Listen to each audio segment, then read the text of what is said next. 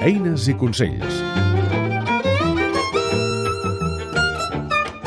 Un espai del Parc d'Instruments de l'ESMUC.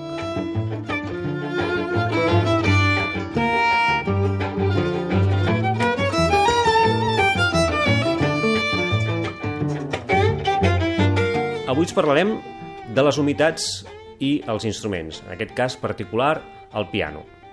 El piano no el podem deixar a qualsevol lloc i en qualsevol condició. Hem de buscar un espai adequat perquè el piano s'hi senti bé.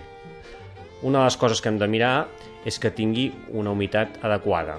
Sempre es diu que més alta al 50% i més baixa al 70%. Podem oscil·lar, però del 50 al 60 ho trobem bé.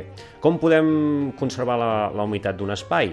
Doncs hi ha aparells com els humectadors, però no seria necessari si tenim cura i no obrim les finestres, no posem la calefacció molt alta, que ens baixaria molt la humitat i per tant secaria les fustes de l'instrument, els filtres i totes les parts.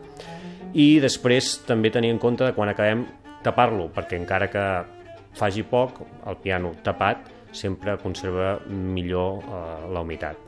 Resumint, el piano l'hem de situar en un lloc adequat, així com quan nosaltres estem en una habitació també ens volem sentir bé, el piano també.